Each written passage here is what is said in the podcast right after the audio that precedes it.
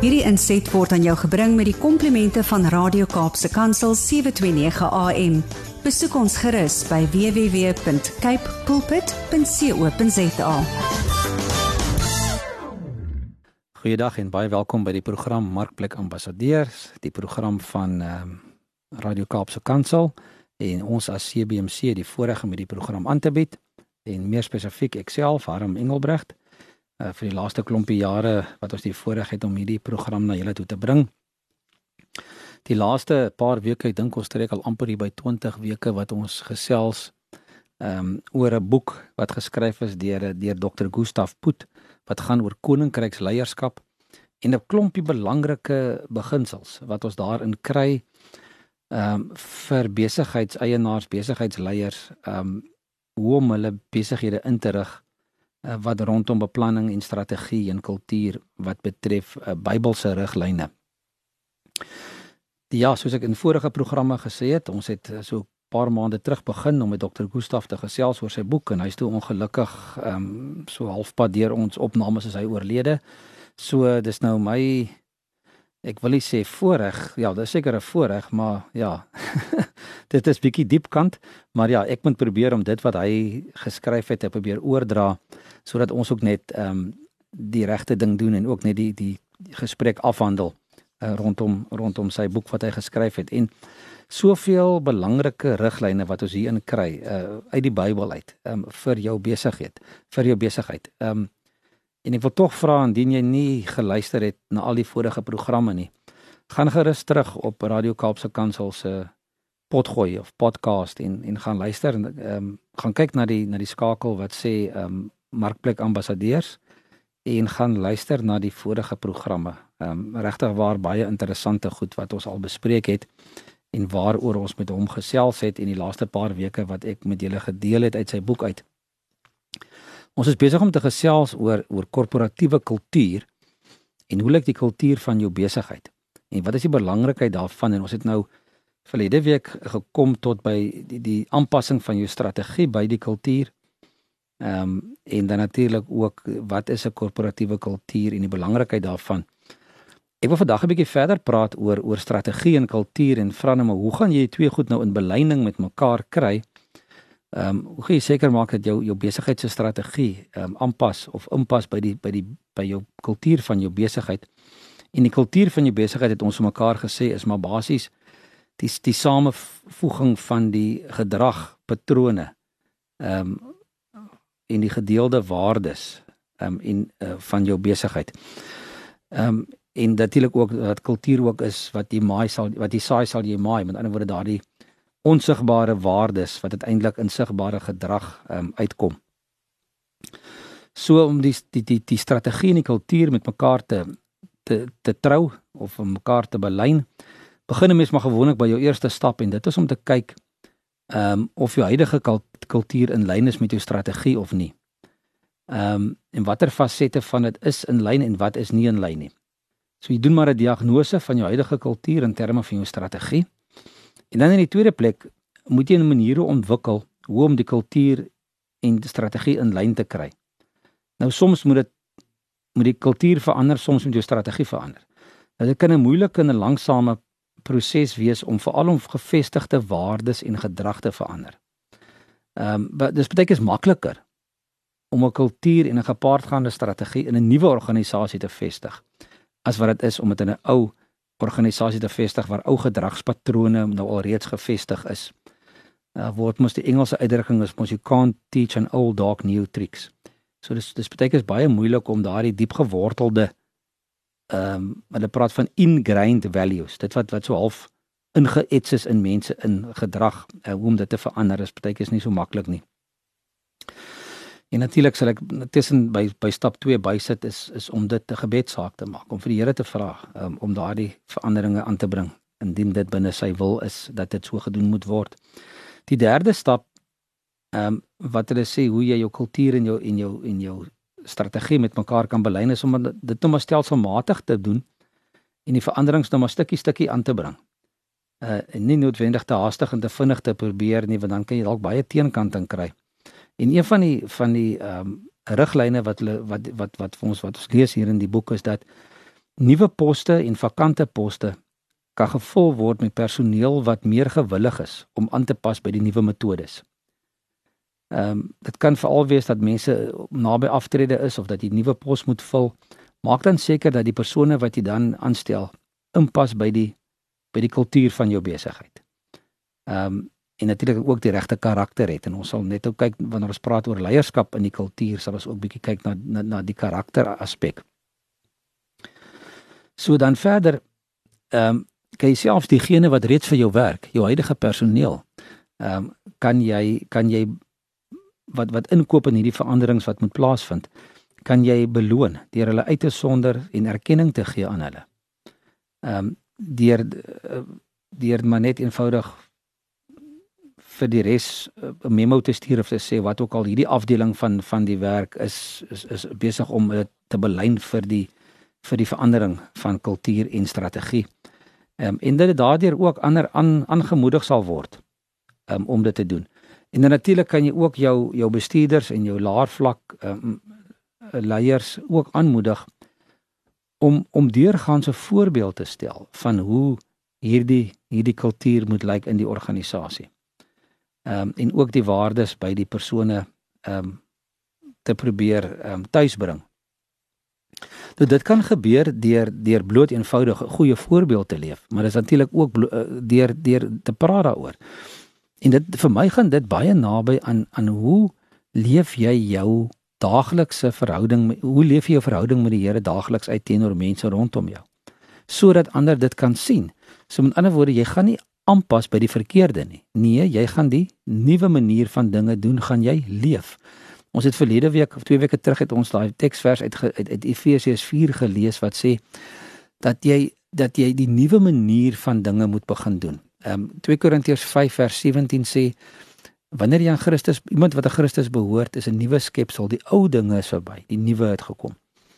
En so wat ons moet doen ook in hierdie geval is om te sê hoe sou ek as Christen my nuwe lewe uitleef teenoor die mense rondom my. En hoe doen ek dit? Hoe is ek veronderstel om dit te doen?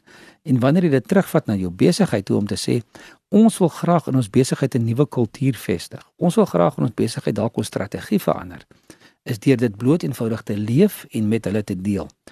Ek het 'n paar jaar terug op hierdie programme onderhoud gedoen met 'n met 'n direkteur van 'n of 'n voorsitter van 'n van van 'n besigheid wat 'n paar takke het. En nadat hulle die besigheid begin het, ehm um, binne 'n paar jaar, 20 jaar of 30 jaar na hulle begin het, het die eienaars uh, tot bekering gekom en dit hulle besef maar hulle moet die besigheid op 'n ander manier bedryf as voorheen. Daar's nou 'n nuwe stel reëls wat nou gaan begin geld. En hulle het bloot eenvoudig die direksie bymekaar geroep en hulle gesê: "Luister ouens, dit is waar ons nou staan. Dis die veranderinge wat in ons lewens plaasgevind het. So dis die veranderinge wat ons ook graag in ons besigheid wil hê." En vandag kan jy gaan kyk, ek ehm um, en en en dit word oral raak gesien in hulle besigheid dat hulle nie skaam is om om te verkondig dat hulle aan Christus behoort nie. Dat hulle nie skaam is of om die evangelie te deel ook in hulle besigheid nie. En dit is eenvoudig die skep van 'n nuwe kultuur en om ook mense aan te moedig wat op die laer uh, um, volgende vlak van van bestuur of leierskap is om dit ook ook uit te leef na die mense rondom.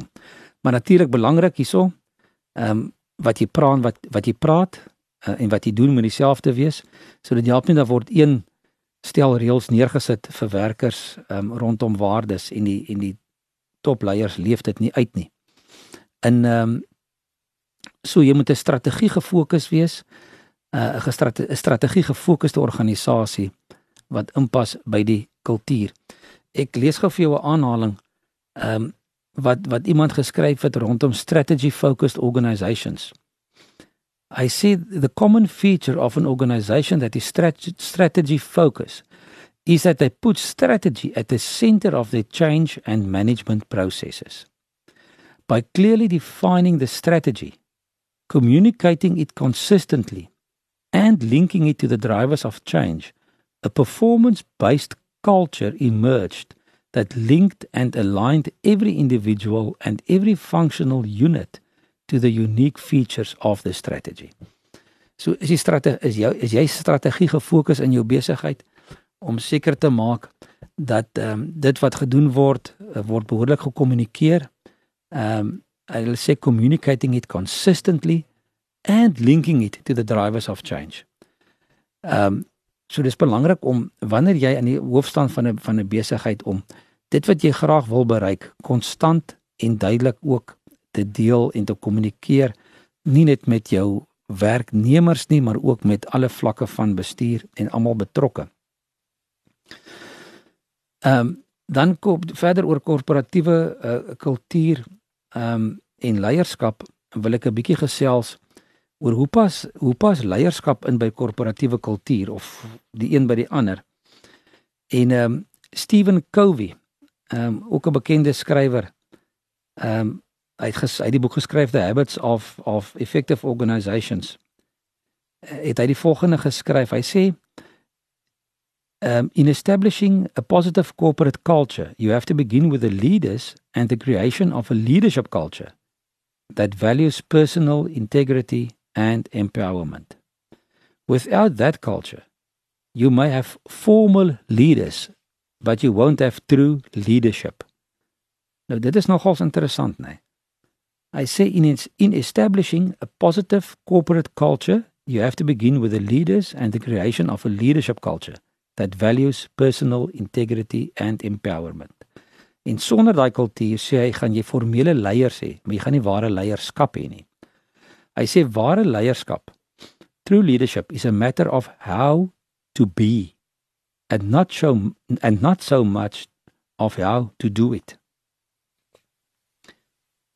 It lies more in character than in technical competence. Most importantly, however, is that it is character rather than competence that forms the role model substance of corporate culture. Followers emulate who leaders are rather than what they can do. So, ware leierskap is meer 'n kwessie van hoe om te wees en nie soveel hoe om dit te doen nie.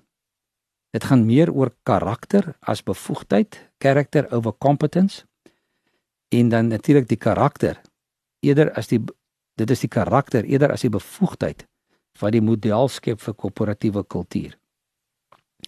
En dan die belangrike ding is dit sê ons vir mekaar gereeld ook as kinders van die Here. Mense kyk na, na wie jy is. Hulle sê followers will emulate um who leaders are rather than what they can do. So hulle hulle kyk wie jy is, hulle kyk na jou karakter en hulle gaan dit navolg. So die korporatiewe van die en dan natuurlik die korporatiewe kultuur van 'n organisasie is eintlik maar die kollektiewe karakter van al die leiers tesame. En en dit is belangrik om te onthou want as jy sê maar my kultuur en my besigheid is nie reg nie, ons kry dit nie reg nie, wat is die fout? Die probleem is kyk eers van bo af. Wat wat moet verander bo? Die korporatiewe kultuur van 'n organisasie is eintlik die kollektiewe karakter van al die leiers. Ehm um, En dan natuurlik leierskap kan kan mense beïnvloed op drie vlakke. Uh in jou in jou besigheid, natuurlik eers persoonlik. Uh kan jy mense beïnvloed as mentor, as motiveerder, ehm um, as lewensafrigter, as coach, hoe mense na jou kyk, hoe hulle jou ervaar. So persoonlik kyk mense na jou as 'n mentor en 'n motiveerder. In groepsverband vind leierskap plaas deur spanbou en die oplossing van konflik maar op jou organisasie vlak gaan dit oor die bou van kultuur.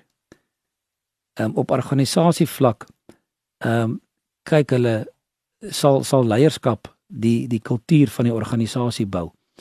Ek lees gou hierso hulle sê leadership activities on these levels are largely interdependent and influence each other. It is important to note that the role of leadership on the corporate on the corporate culture level should provide a context substance, substance and direction for leadership in the individual and group levels. So met ander woorde die die manier hoe jy met mense omgaan en hoe jy daardie uh, leierskap van jou uitleef teenoor individue, teenoor groepe en binne in jou organisasie sal dit eintlik ook die kultuur van daardie organisasie bepaal. Ehm um, ek het net 'n ander aanhalingkie wat ek gou vir jou wil lees. Is leaders energize people by treating them as respected members of a cohesive social system. When people are trusted they do not have to be empowered en dis my belangrike ding verder van leierskap en en jou korporatiewe kultuur korporatiewe kultuur van jou besigheid is om te sê hoe hanteer ek die mense wat vir my werk? Hoe sien hulle hoe sien hulle die leierskap van hierdie besigheid? En as as leiers die mense met respek hanteer ehm um, en en as hulle vertrou word ehm um, dan hoef jy nie agter hulle te staan en vir hulle te gaan sê wat hulle moet moet doen nie want hulle gaan jou hulle gaan jou wil ek amper sê ehm um, honor hulle hulle gaan doen van dit wat jy wat van dit wat jy van hulle verwag indien ook dit ehm um, binne in die maatskappy se kultuur is.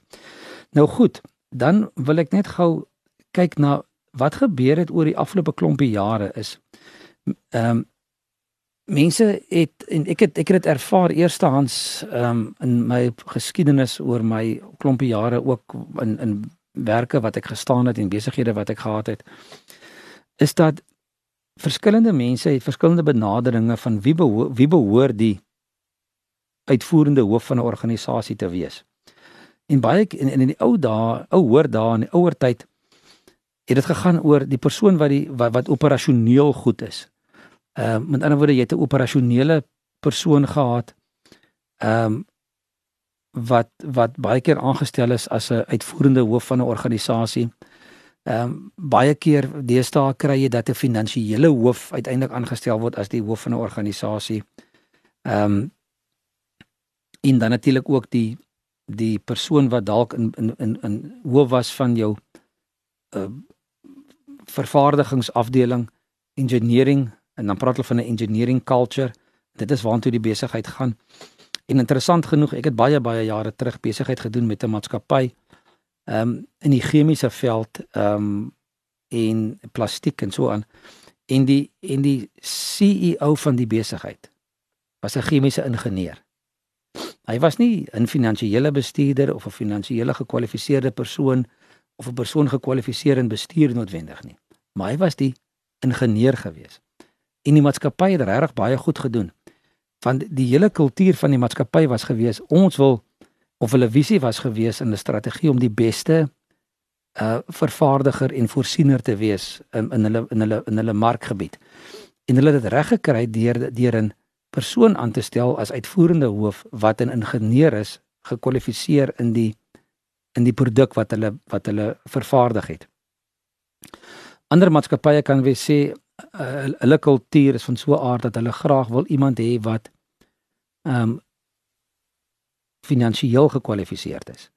Ons weet van baie groot maatskappye waar die waar die waar die uitvoerende hoofde en die CEO is is almal CA's en gekwalifiseerde finansiële persone wat weer heeltemal 'n ander dinamika na die na die na die besigheid toe bring. Maar belangrik en hierso wil ek nou weer teruggaan na die Bybel toe is dat ons binne in organisasies moet kyk na die verskillende ehm um, gawes van mense, na die verskillende bevoegdhede. Ehm um, en ons het net ook gelees van karakter en competence. So so die die die competence is belangrik, maar maak seker dat die persoon wat wat wat wat hoof sit, wat in die hoof staan, wat daai kultuur ehm um, eintlik moet uh, vestig, dat dit 'n persoon is met die regte karakter. Ek wil net vinnig iets sê voor ek afsluit rondom die ehm um, kwessie van van die verskillende kulture en hoe dit bepaal kan word deur verskillende uh, mense met verskillende eh, ehm uh, um, gawes.